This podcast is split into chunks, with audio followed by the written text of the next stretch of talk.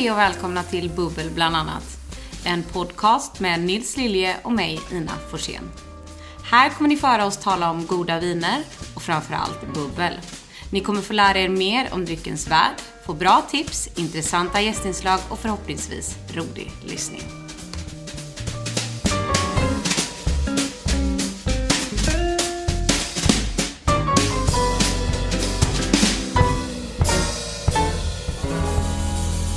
Så, då var vi igång. Första avsnittet är under inspelning. Det är jag som är Nils och eh, med mig har jag Ina Forsén. Vi eh, sitter här på champagnebarens kontor. Det är lite ljud i bakgrunden som ni kanske hör. Eh, vi, idag hade jag egentligen tänkt att bara presentera oss själva och vad det är den här podcasten egentligen ska, kommer gå ut på. Vad säger du Ina? Ja, men lite så. Och kanske också ge ett hum om vad ytterligare avsnitt kommer handla om så folk vet vad de ger sig in i när de börjar lyssna på dig och mig. Ja, det är bra. Det kommer att bli mycket vin, prat. Vin kommer det bli. Bubbel kommer det bli. Exakt, för vår stora passion här i livet är ju bubbel. Ja. kan man ju känna. Någonstans. Du är ju faktiskt innehavare av en champagnebar. Så att eh, det blir ju såklart mycket bubbel och vi, eh, det är livets dryck. Sen är, är ju bubbel så mycket mer än bara till exempel champagne. Det finns ju många olika sorters bubbel och på olika sätt. Så det ska vi luska lite i och hur tillverkar man de olika bubbelsorterna och eh, vad använder man i de olika områdena och länder och så vidare. Sen kommer vi säkert glida in på lite övriga vinvärlden eftersom att vi har svårt att hålla oss borta från det också. Mm, det finns vissa risker för det. Det är ofta någonting man kommer in på tycker jag när man pratar om mat och sådär också. champagne framförallt passar ju väldigt bra till mat och det gör ju även kava och annat bubbel. Men, men det är rätt så vi kommer ju ha lite matinslag och sådär så då kommer man enkelt in på lite annan dryck också. Ja, men det är många gånger som man glömmer av att champagne är ju faktiskt vin också, inte bara något som bubblar. Eh, så att det är väl därför också man knyter ihop säcken på så sätt.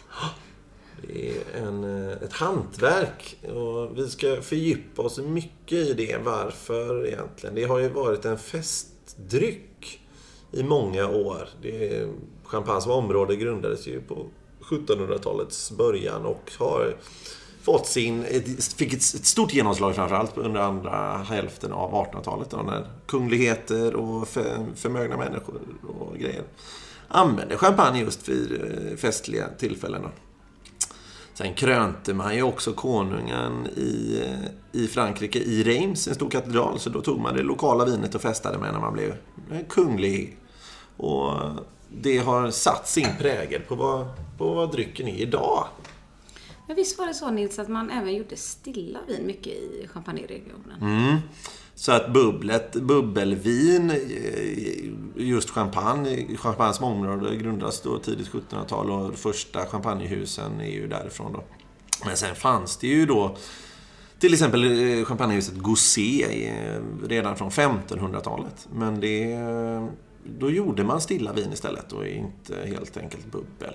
Utan man gjorde stilla vitt och rött och sedan kom man in på ett sätt som man lyckades göra då naturlig kolsyra på sätt och vis i flaskan. Då. Ja, spännande. Men vad skulle du säga Nils? Man har ju många olika stories om hur champagne uppfanns. Alltså, var det munken Dom Perignon? Ja, det finns ju... Pierre Perignon, som han hette, eh, var en munk, så Dom Perignon. Han jobbade på ett kloster i Auvillers, som ligger alldeles nordväst om Epernay, som ligger i hjärtat i Champagne.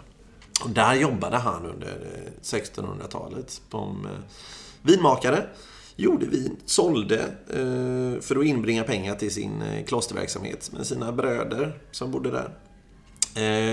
Det Pierre Perignon lyckades göra var en... Nu blir det här en rätt lång historia så ni ska försöka göra kort där, men det finns en tendens. Vi får det är ju lätt för att sväva ut Nils, ja. men... Men det, det, det Pierre Perignon gjorde då att han lyckades då blanda olika druvor ifrån olika vingårdslägen, olika årgångar. Så att han lyckades bygga upp en allt bättre kvalitet från år till år. Och då helt enkelt fick en, eh, en jämnare kvalitet för att eh, vädret är så ambivalent som det är i champagne. Så jämnare kvalitet, bättre, högre kvalitet. Och lyckades då sälja mer och mer vin helt enkelt och få in mycket mer pengar. Sen så var fick man helt enkelt en... Man märkte att flaskor eh, smällde. De sprängdes. Det skapades ett tryck i flaskan. Så där var då just eh, Pierre Perignon med och tog fram en, eh, en kraftigare flaska. Man gjorde två halvor och valsade ihop. Eh, gjorde också, tog fram en grimma med korken och där som, eh, som eh, gjorde så att man kan hålla igen helt enkelt. Mm. Så att efterjäsningen, då, eller som det kallas för andragångsfermenteringen, kunde mer kontrollerat ske då, i flaskan. Så att man, och lite mer i detalj kommer vi gå in på det. Men, eh, så att, man kan säga att Dom Pérignon lyckades så paketera det. Och sen, eh, och sådär då. Men och han har ju också fått en champagne uppkallad efter sig som Moet Chandon då gör deras prestigechampagne. Eh, men det finns ändå de som säger det var britterna som eh, kom på det. Eh, britterna gör ju jättebra mousserande viner och så att vissa tycker ju att man har snott idén där från dem. Sen, man har ju hittat spår från ja, 1200-talet där man har gjort mousserande vin. Mm. I södra Frankrike framförallt. Och då är det någon som har grävt och rotat lite och att eh, Pierre Perignon då hade faktiskt eh, förfäder som bodde då i södra Frankrike. Så att man vet inte riktigt om... Eh, det är ingen historia som är helt spikad, utan det finns lite olika då, helt enkelt. Väldigt intressant Nils, men för att eh, vi inte ska ta och sitta här hela dagen och bara prata om champagne. Jag vet att du älskar att sväva ut så kanske vi ska börja, eh, ska vi presentera oss själva lite kanske? Ja, det kan vara en bra idé. Så folk vet vilka de lyssnar på. Mm. Ska du börja? Ja, jag, eh, jag heter ju Du har ändå talat så mycket. ja, Nils då heter jag. Nils Lilje. Och eh, vi kan ju först och främst säga vi sitter i Göteborg. Ehm, champagnebaren Forsén och Öberg ligger ju här. Och Ina Forsén som som jag sitter här med är min gamla chef. Jag jobbade här på champagnebaren i fyra år. Med, och drack väldigt mycket champagne och gosade. Men... Därför inte fått jobba kvar. Ja. Druckit upp allt vi har. Ja, ja precis. Eh, idag är jag, jobbar jag på ett ställe utanför stan, eh, mer eh, dagtid. Jag driver en, eh, en, en eh, blogg, Instagram, eh, som heter Vinhjälpen. Jag håller mycket provningar. Jag är fortfarande här på champagnebaren och håller lite provningar. Jag är egentligen marknadsförare i grunden. Blev sommelier. Jag fick ett väldigt bra tycke för just mat och dryck när jag bodde i Japan en period i mitt liv. Flyttade sedan till Svalbard, där jag jobbade på en av Nordeuropas största vinkällare. Och ehm, sen tillbaka till Göteborg. Jag gick en sommelierutbildning och eh, här är jag. Mm. Helt enkelt. Fortsätt eh, vinälskare. Mm. Jag gillar vin väldigt mycket. Jag försöker, alltså någonting jag bryr mig om är Vin behöver inte vara dyrt nödvändigtvis. utan jag tycker det är väldigt kul att se tillbaka. Vad är vin egentligen? Det är hantverket bakom. Det är någon som har gjort, lagt mycket tid, kärlek hitta olika kombinationer med mat, drycker på andra sätt tycker jag också är väldigt intressant. Så, att det... Vi kommer nog komma in mer på mig, känns det som, så småningom. Mm. Men, eh... Du är ju lite som ett levande lexikon när det gäller vin. Överlag. Man kan fråga dig vad som helst, du har alltid svar. Ja, det är fruktansvärt om... jobbigt nu när du inte jobbar här längre och jag måste googla saker när jag får svåra frågor. Man får lära sig att ljuga. Kan man inte det. så får man hitta på och då får man låta trovärdig. Som en politiker. Ju, ja, det kanske är så. Jag är dålig på det här med att ljuga. Man ser ju när jag inte talar sanning. Ja, du är väldigt våg, dålig på det faktiskt. Vågar inte riktigt det. Och det är en, en, en bra personlighet egentligen att, uh, att vara dålig på att ljuga. För att det är, det är så enkelt att vara med dig då. För man kan fråga dig om när man har klippt sig. Ja, du, är jag fin? Och så fnissar du istället och då tycker du att det inte är så fint. Så det är rätt kul. För och nackdelar helt enkelt. Ja.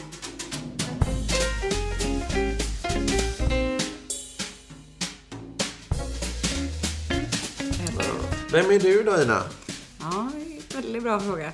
Mm. Ehm, ja, Ina då, som sagt, heter jag ju. Ehm, jag är uppvuxen en bit utanför eh, Göteborg. Ett eh, ställe som heter Onsala, ute på landet. Har på med hästar mestadels i mitt liv, men så har alltid vin varit en stor passion och jag har alltid haft som dröm att bli eh, vinagent och jobba med vin. Och istället för att läsa sommelier, som kanske är det mest naturliga, så valde jag att eh, dra direkt efter studenten, åka ner och jobba på vingård i eh, Piemonte. Och lära mig vin från grunden. Ja, det låter Helt fantastiskt enkelt. trevligt. Eh, och på den vägen är det. Och sen kände jag väl att vinvärlden var så extremt stor. Att jag ville specificera mig på något speciellt område. Så det har faktiskt blivit att champagne är mitt expertis. Ja, men det är ju helt enkelt en väldigt festlig dryck. Det är, Man blir glad. ja, det jag. finns ju ytterst få tillfällen när man blir ledsen av det. Lite magi bakom eh, champagne också. Bubbel överhuvudtaget. Jag tror det är det som lockade mig. Hantverket. Nu blir jag så törstig så att jag vet inte vad jag ska ta vägen. Ska vi göra så att vi ska prova lite champagne idag kanske? Ja, jag tycker nästan det. Så vi provar blint på varandra för att göra det lite roligt. Ja, det, det tycker Se jag vad vi är- går för. Ja, verkligen. Det, det tycker jag, även om man provar ganska mycket vin och man har testat ganska mycket champagne genom åren och sådär, så tycker jag blindprovning faktiskt kan vara bland det svåraste. Eh, Det är extremt svårt. Och då har man ett svart glas dessutom så är det, ju- då kan det ju vara vad fan som det helst i är glaset lurigt. Man behöver träna, träna, träna, träna. Mm. Eh, vi har ju lite förberett oss, får vi väl ändå säga. Ja, förutom att vi inte vet vad det är då. Nej. Jag vet en flaska och den ska Ina få och Ina har valt en flaska som jag ska få. Eller vi ska få bara två av varje. Men Ska jag börja och testa på dig kanske? det tycker jag. Mm, Absolut. Så det händer någonting på det här stället. Men eh, vi är som sagt då på just en... Eh, Nu är det ju lite svårt för mig Nils att öppna den här flaskan som jag sitter ju här med en bruten arm. Jag borde kanske hålla mig mer till champagne och hålla mig borta från hästar då jag blivit avsparkad armen här för några veckor sedan. Kan du, du ser ju ändå inte vad det är för flaska om du öppnar här då. nej, just det. Ina var i, eh, i, i stallet. Ja. Borde inte varit där helt enkelt.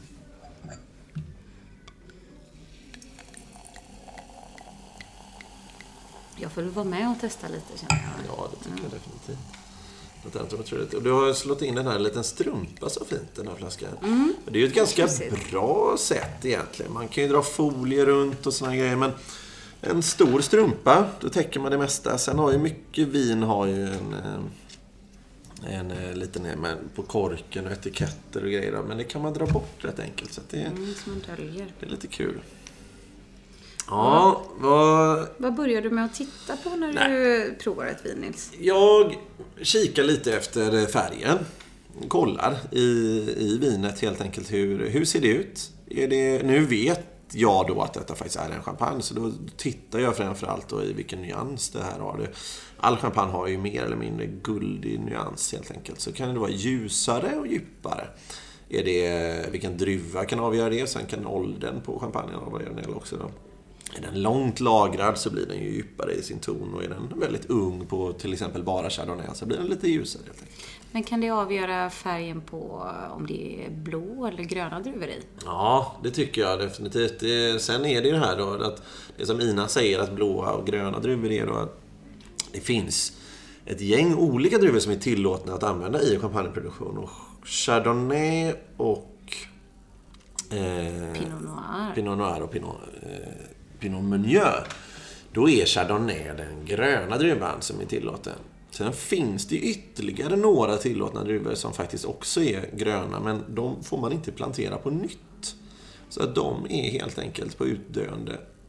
Man får väl plantera nya vinrankor. Det har växt en gammal vinranka. Men man får inte plantera på nya områden dessa druvsorter. Ja, precis. Och det är, för några år sedan var det faktiskt ytterligare två druvsorter som var tillåtna, men de förbjöds helt och hållet och de fick riva upp de stockarna helt och hållet. Så att vi kollar färgen. Eh, jag tycker ju att den här håller en, något ljus ton, eh, helt enkelt. Det kan tyda mycket, 100% kanske chardonnay, mycket chardonnay, eh, ganska relativt ung, tycker jag det ser ut som det. Men det skulle kunna vara de ytterligare fyra druvorna då som är gröna också. Arban, Pinot. Blanc, Petit Mislé. Eh, Men det är inte så vanligt. Nej, precis. säga. Det är 99,7 procent var en, siffra jag såg senast. Då. Eh, Jag har några champagne hemma, någon som är 100% Pinot Blanc och sådär. Men det, är, det finns ju några champagne nere i Côte Bar, alltså det Södra delen. ja, sydöstra champagne. Där kan man hitta en del av de här druvorna. Och det finns det ju några champagneproducenter som fortfarande äger eller använder sig av alla sju sorterna som faktiskt är tillåtna. Men det är ganska ovanligt och det är någonting som kommer försvinna mer och mer tyvärr.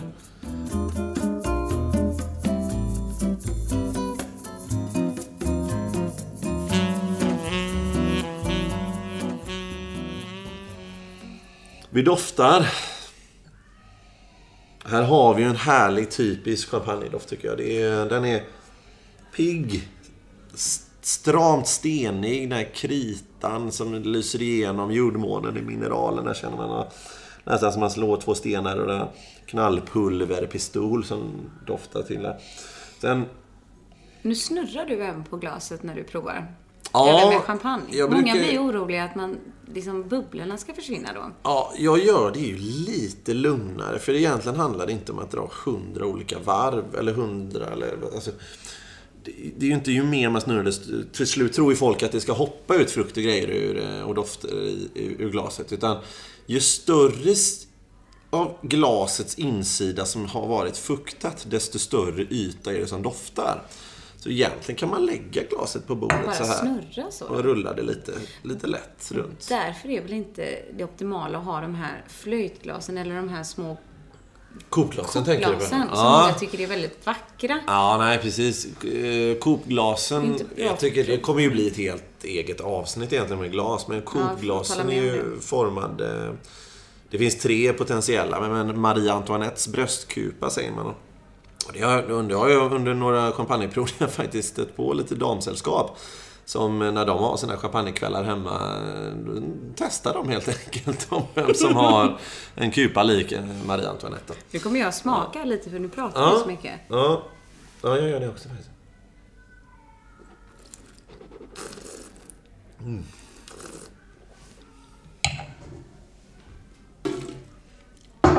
Mm. Ja, det var gott. Hög syra. Mm, mm. Korrekt. Nej, bara för att avsluta kokglasen. De är jättehäftiga. De är vackra, eleganta. De är ju rätt sensuella och exotiska. Då, men, och festliga på gamla tillställningar kan man säga. Om man kör tidigt 1900-tals tema på en fest. Men står man på, det finns ju några krogar här i Göteborg i alla fall som har det. Och när man dricker ur dem, det räcker ju att man får en liten lätt stöt så jag är så svårt att mingla. ligger ju det glaset på golvet. Ja, jag har väldigt svårt att mingla med de glasen. Ja, det är jag har det ofta över hela, liksom drycken över hela armen och ingenting ja. kvar i glaset. Ja, det är fruktansvärt. Och det, alltså det är egentligen, jag tycker det, det finns två tillfällen och det är just om man har så Great Gatsby-tema till exempel. Eller när man ska göra en champagnepyramid. Då är det grejer. Då är det ju ja, fantastiskt Vilket man gör festligt. varje helg. Ja, vi gör det varje söndag med vår familj. Min dotter tycker det är fantastiskt kul att riva ner det tornet. Ja, jag kan tänka på det. Ja. Nej, men, ja, men jag tycker, är man en entusiast så tycker jag att man kan äga ett, en liten uppsättning av sådana glas för att det är festligt. Men jag, har man satsat eh, ett par hundralappar på en god flaska så tycker jag inte att man ska dricka det ur dem. Utan vi dricker just nu ur så kallade årgångschampagneglas. Och den här formen det är någonstans mellan ett vittvinsglas och eh, ett vanligt då flöjtglas som är de allra smalaste. Då. Typiska mm. IKEA kanske. Um, Pers personligen gillar jag att dricka vinglas. Mm, jag tycker har man inte de här så kan man gå på ett par vinglas. Mm. Uh, helt vitvinsglas. Vitvin, ja. ju, har man ändå en vällagrad årgångschampagne av hög klass, då tycker jag absolut man kan, uh, kan man till och med ha rödvinsglas. Men man vill ju, det, det är också det här, champagneglas har en ojämnhet i botten. Och ska, den ojämnheten ska enligt eh, myten då faktiskt knackas med en diamant. Oj. Där ojämnheten sätter, eh, där ojämnheten är rättare sagt, sätter kolsyran sitt fäste och det är då man får den här fina pelaren egentligen. Då.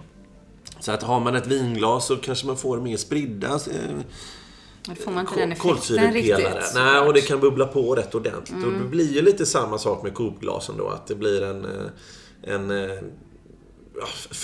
det bubblar ur för snabbt. Mm, det mm. tycker, jag har ju problem. Jag har ju rätt aggressiv näsa. Den är rätt stor. Min fru tycker att den...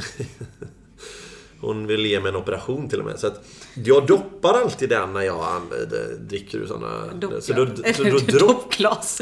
Ja, kokglas bröstglasen. Mm. Och då droppar det alltid champagne eller bubbel ifrån min näsa. Ja, det kan ju vara lite charmigt. Ja, och faktiskt det är, på tal om det, så finns det i Thailand, som många har varit i, så finns det ju bilder på kungen på många ställen. I Thailand, och på vägar och i... Vår över kung eller deras kung? Eh, Thailändska kungen. Och för att visa att kungen är en mäktig man av folket på sätt och vis då, om inte jag har missförstått det här helt och hållet, så har de målat in en svettdroppe på näsan. På varje alltså, porträtt. För att visa att han helt enkelt är en, en arbetare på något sätt och vis. Då. Så det kan man se. Det är speciellt. på tal om... Ungefär som att ha champagne på näsan menar du? Ja. Exakt. Nej, men åter till champagnen Vad då. tror du Ja, att det är nu då? Nu känner jag att vi får tillräckligt med tid här och dofta och Ja, smaka. den här doften då som vi var inne på, att den följs ju upp av ja, men härliga, ett härligt djup. Och det är det här typiska autolysdragen som vi har i champagne. Ehm, Men vad tror du, druva då? Du är inne på mm, gröna druvor. syran är ju hög. Man känner ju syran. Salivproduktionen sätter igång. Känner jag. Så jag känner ju hur eh, munnen vill ju fuktas till igen. Kolsyran och den höga fruktsyran torkar ju ut slemhinnan som man har i munnen. Och nu känner jag saliv produceras. Så det, det är ett tecken på att man har en hög syra i det. Och det, Chardonnay bidrar ju... Generellt så har man ju en väldigt hög syra i champagne. Men Chardonnay bidrar ju med en ytterligare högre syra. Då. Så att jag hade ju tippat på att är det inte 100% Chardonnay så skulle jag tippat på att det är en, hög- en hög majoritet Chardonnay i den här i alla fall. Eh, Den har typiskt gröna toner i smaken. Grönt äpple, citrustoner med nästan lime och om man går mer på omogen frukt och sådär eh, nästan. eh, Lite Granny Smith-äpplen då? Ja, precis. Alltså, ta en Granny Smith-äpple, skiva det lite, dra någon limeklyfta över och så blanda ner det med kanske vita vinbär eller någonting. Så då är vi ju nästan framme kan man säga.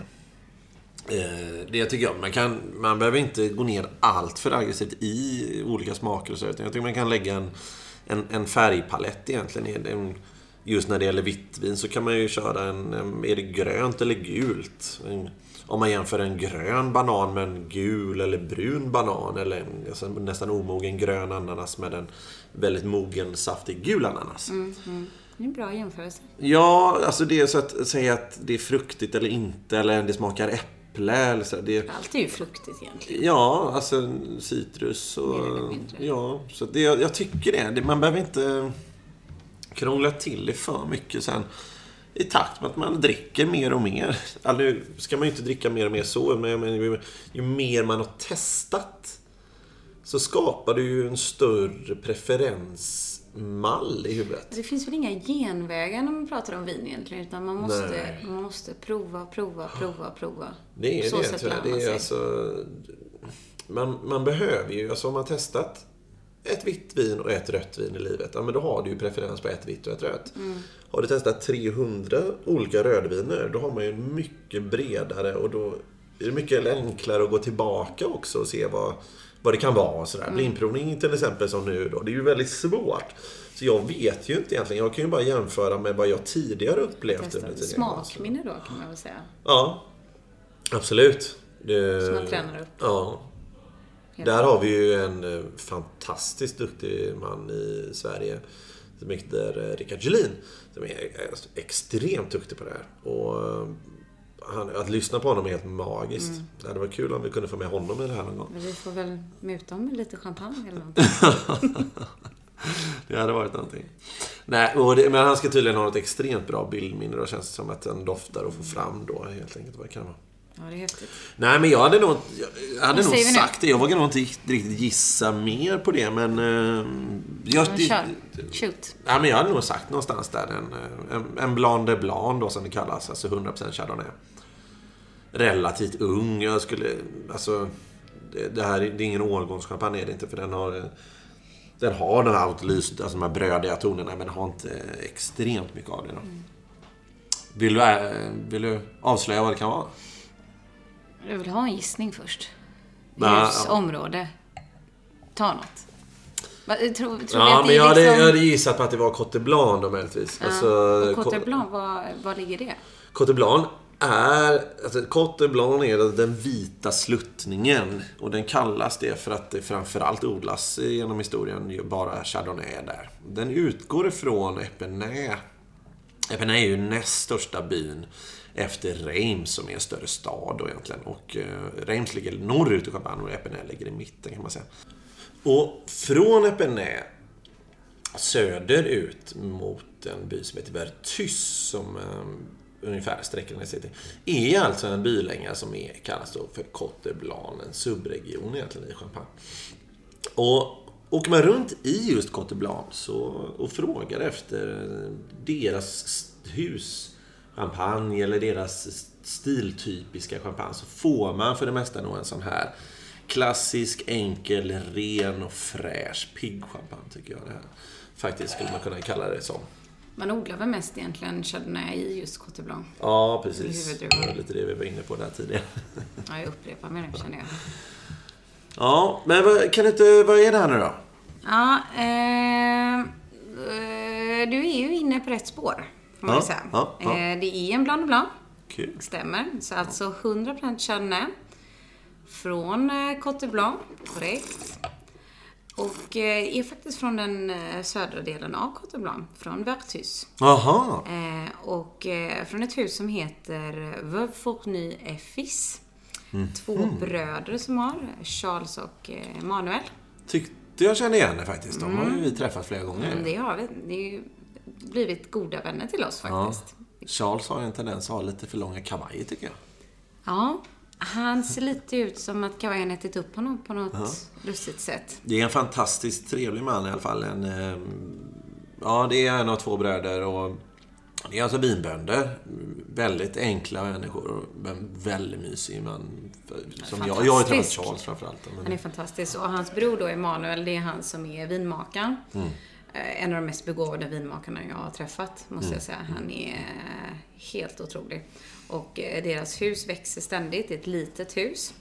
Producerar ungefär 200 000 flaskor om året. Eh, odlar enbart eh, ekologiskt. Men de har valt att inte sätta ut någon ekologisk stämpel på sina champagner.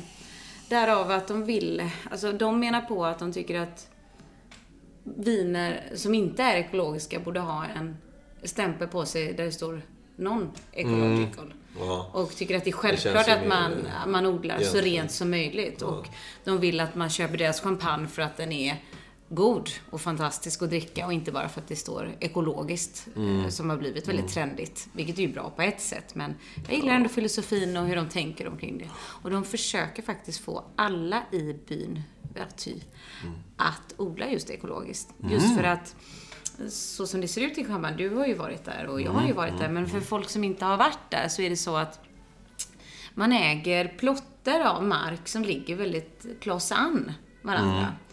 Och såklart om den ja, det ena... Bara, det kan ju vara en liten gärdsgård som skiljer. Precis, och om den ena vinbonden sprutar eh, farliga saker på sina vinranker så kan du ju lätt åka över på grannen intill.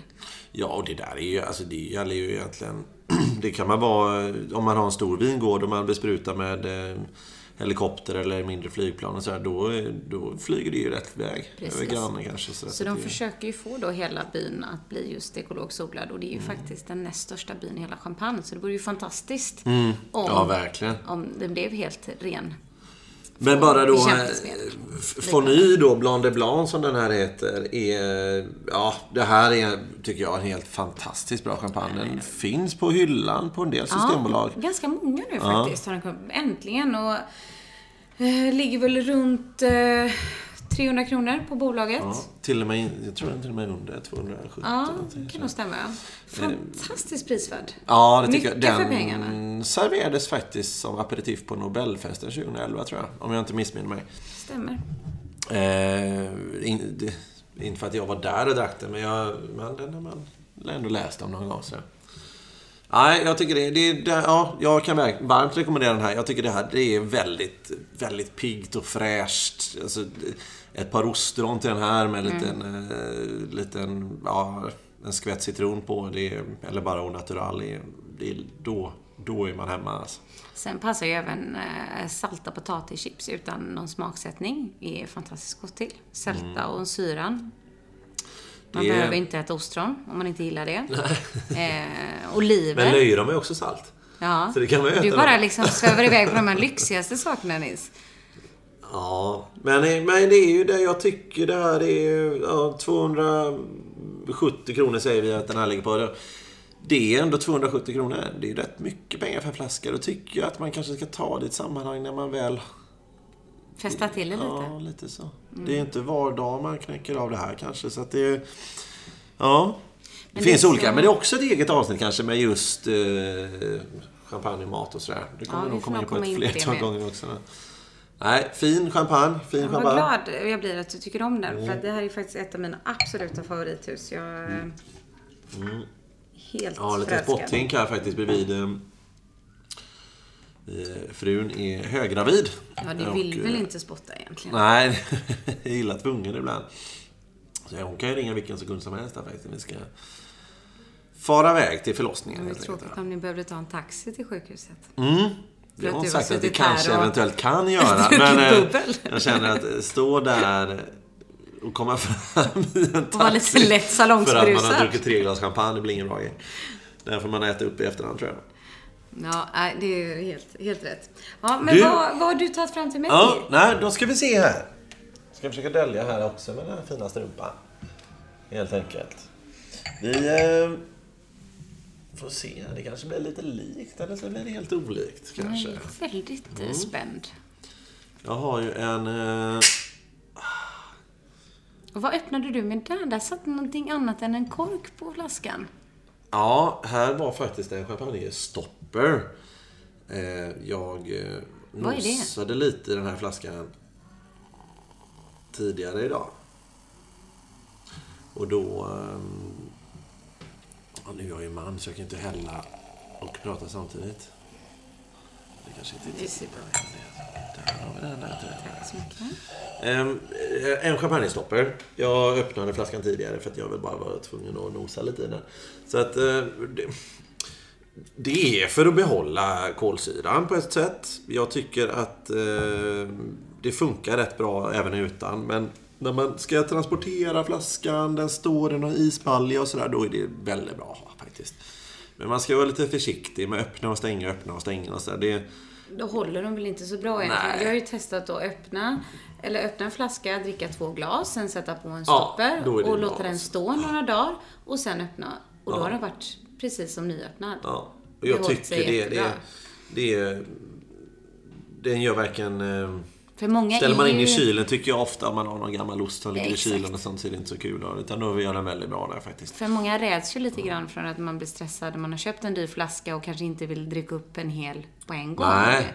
Och sen Man ska tycker inte- jag alltså när en champagne har stått öppen eh, ja, ett par timmar och i alla fall kanske till och med ett dygn ibland det blir alltså Lite fantastiskt bättre bra. för den Ja. får syre och får fram smaker och dofter bättre. bubblat av sig. Jag tycker man ska inte skämmas där. Så om man får gäster hem och man faktiskt har en champagne och säg då ja, en välkänd flaska som kostar ett par hundralappar. Då är det ju synd att man poffar av den så fort gästerna kommer. Man skvätter upp i några glas och sen så står man där och skålar och så ska den... Att det nästan är fräckt att man tar med sig till bordet.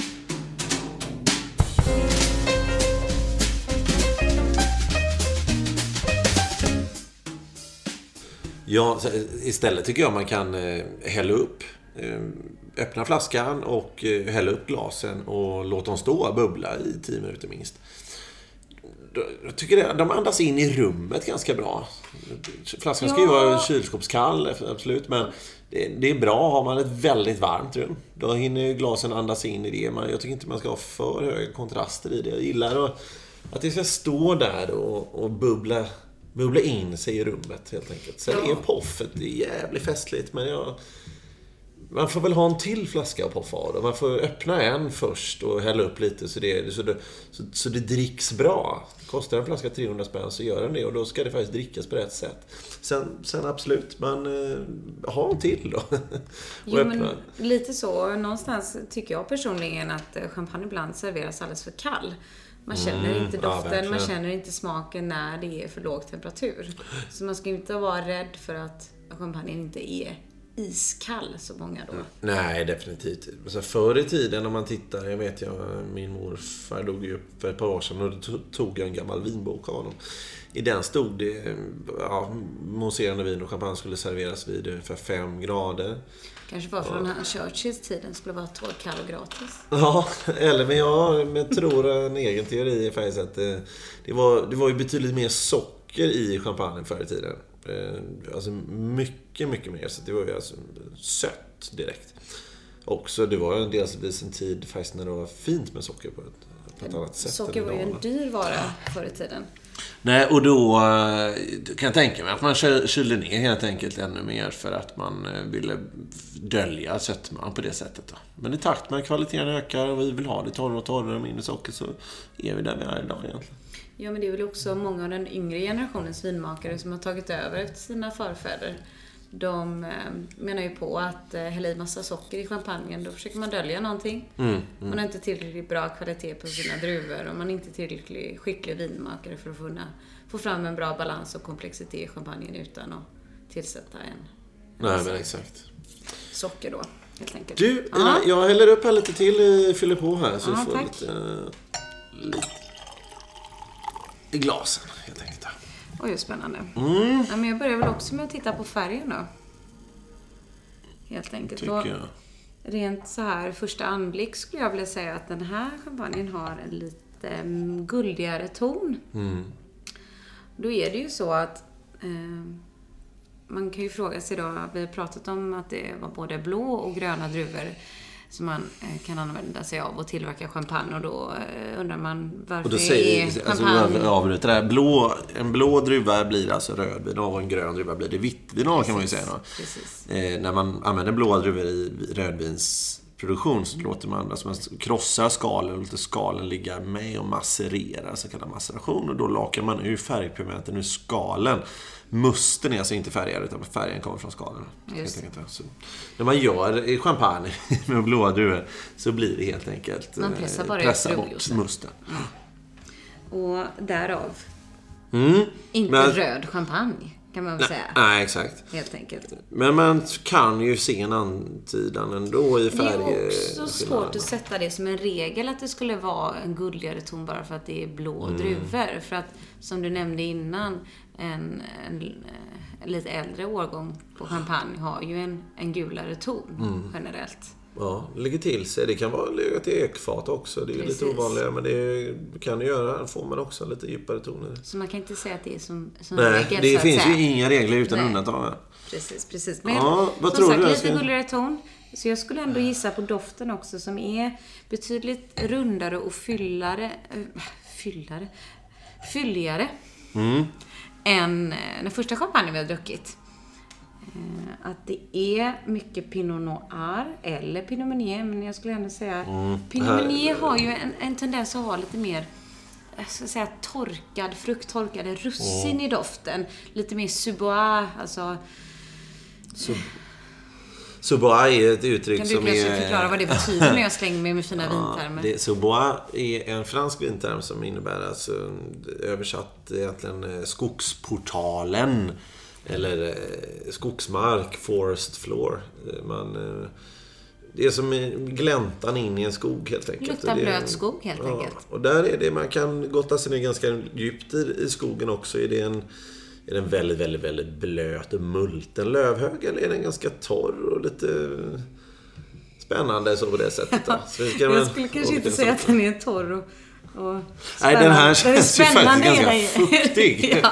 Om man ska vara ärlig. Den är ju väldigt spännande, ja. så kan jag känna. Exakt. Det här är, ja, jag skulle kunna istället för att säga så bara skulle jag säga ganska jordnära toner ja, faktiskt. Man har mycket en, mer åt, när vi var inne på den första var det mer eh, citrus och krita och liknande. Men här skulle mm. jag säga lite jordigare, mm. mycket röda bär, mm.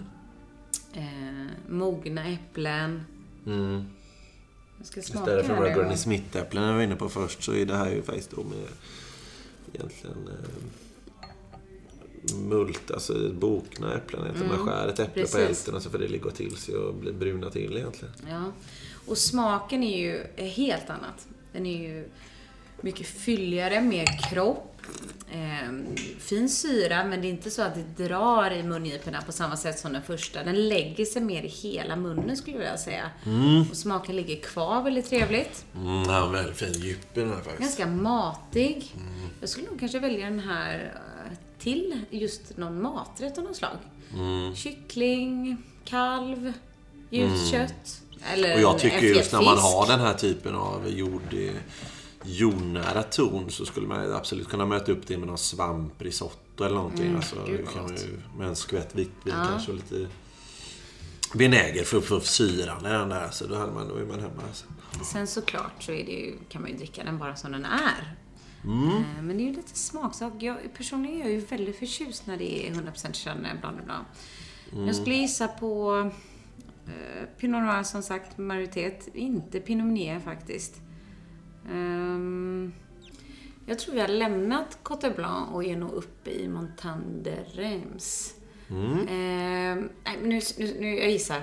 Jag tror det är en Blanc Noir, vilket betyder att det är 100% blå druvor. Mm, Jag tror det är 100% Pinot Noir. Längre så kommer jag inte. Vi var inne i Cote Blanc förut och då... Eh, där är alltså Chardonnay-distriktet, nu nämner du Montagne de Reims. Det är alltså ett annat område i Champagne som ligger ett, eh, mellan Reims och Epernay och sen en bit ut i öst kan man säga. Då. Så där odlar man då främst Pinot Noir. Då. Så att, eh, och det är rätt. Woho! Det är rätt. Det är faktiskt. Och det, det här är, det är konstigt att du hade valt en Blanc Blanc och jag valde faktiskt en Blanc de Noir. Som det då kallas, 100% Pinot Noir. Det eller- lite roligt. Ja, det här är en lite speciell champagne. Den finns inte på hyllan någonstans. Den finns att beställa och det är faktiskt ni, Ina och eh, Champagnebaren som importerar det till Sverige. Eh, ja, när jag var i eh, Epernay för många år sedan idag med eh, min nuvarande fru då, och eh, ett par goda vänner så var vi på en restaurang. Och ja, vi hade väldigt trevlig kväll. Vi firade en födelsedag och det åt och, och dracks. Och sen så gick servitris efter servitris hem, vinkade hej då. Och till slut var det bara ja, Le Chef kvar. Och han, eh, det var var extremt oväder i Epernay just den dagen. Och eh, han ville inte släppa ut oss. Så vi... Att ni skulle blåsa på? Ja, vi, vi bodde på ett hotell lite utanför Epernay och eh, vi fick inte tag på taxi helt enkelt. Så han ställde sig i foajén med oss då och försökte, försökte få tag på taxi. Och våran franska var väl lika dålig som hans engelska då.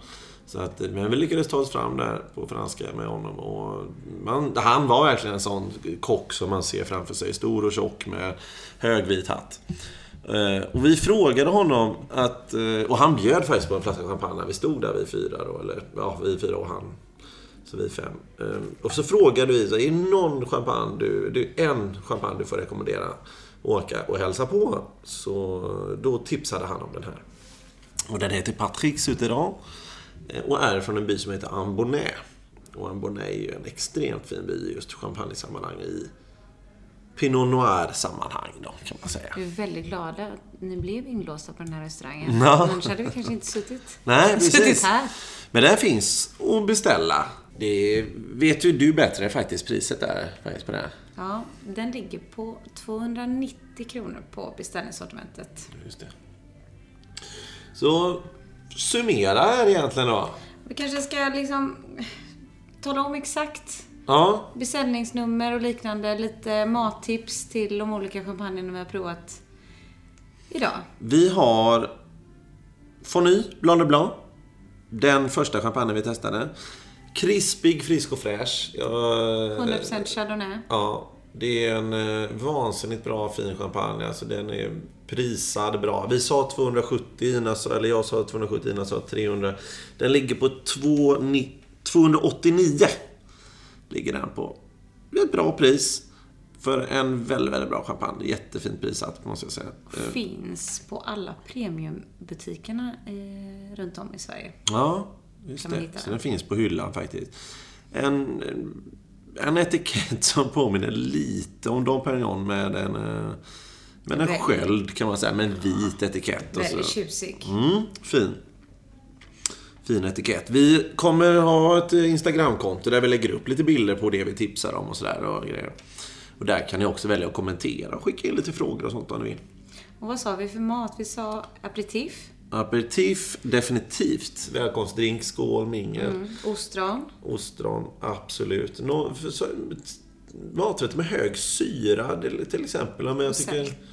sälta. Jag tycker absolut till exempel till en, om man, kanske en carpaccio med en syrlig vinägrett ringlad över. Det hade Mm, funkat fint. inte fel. Inte fel.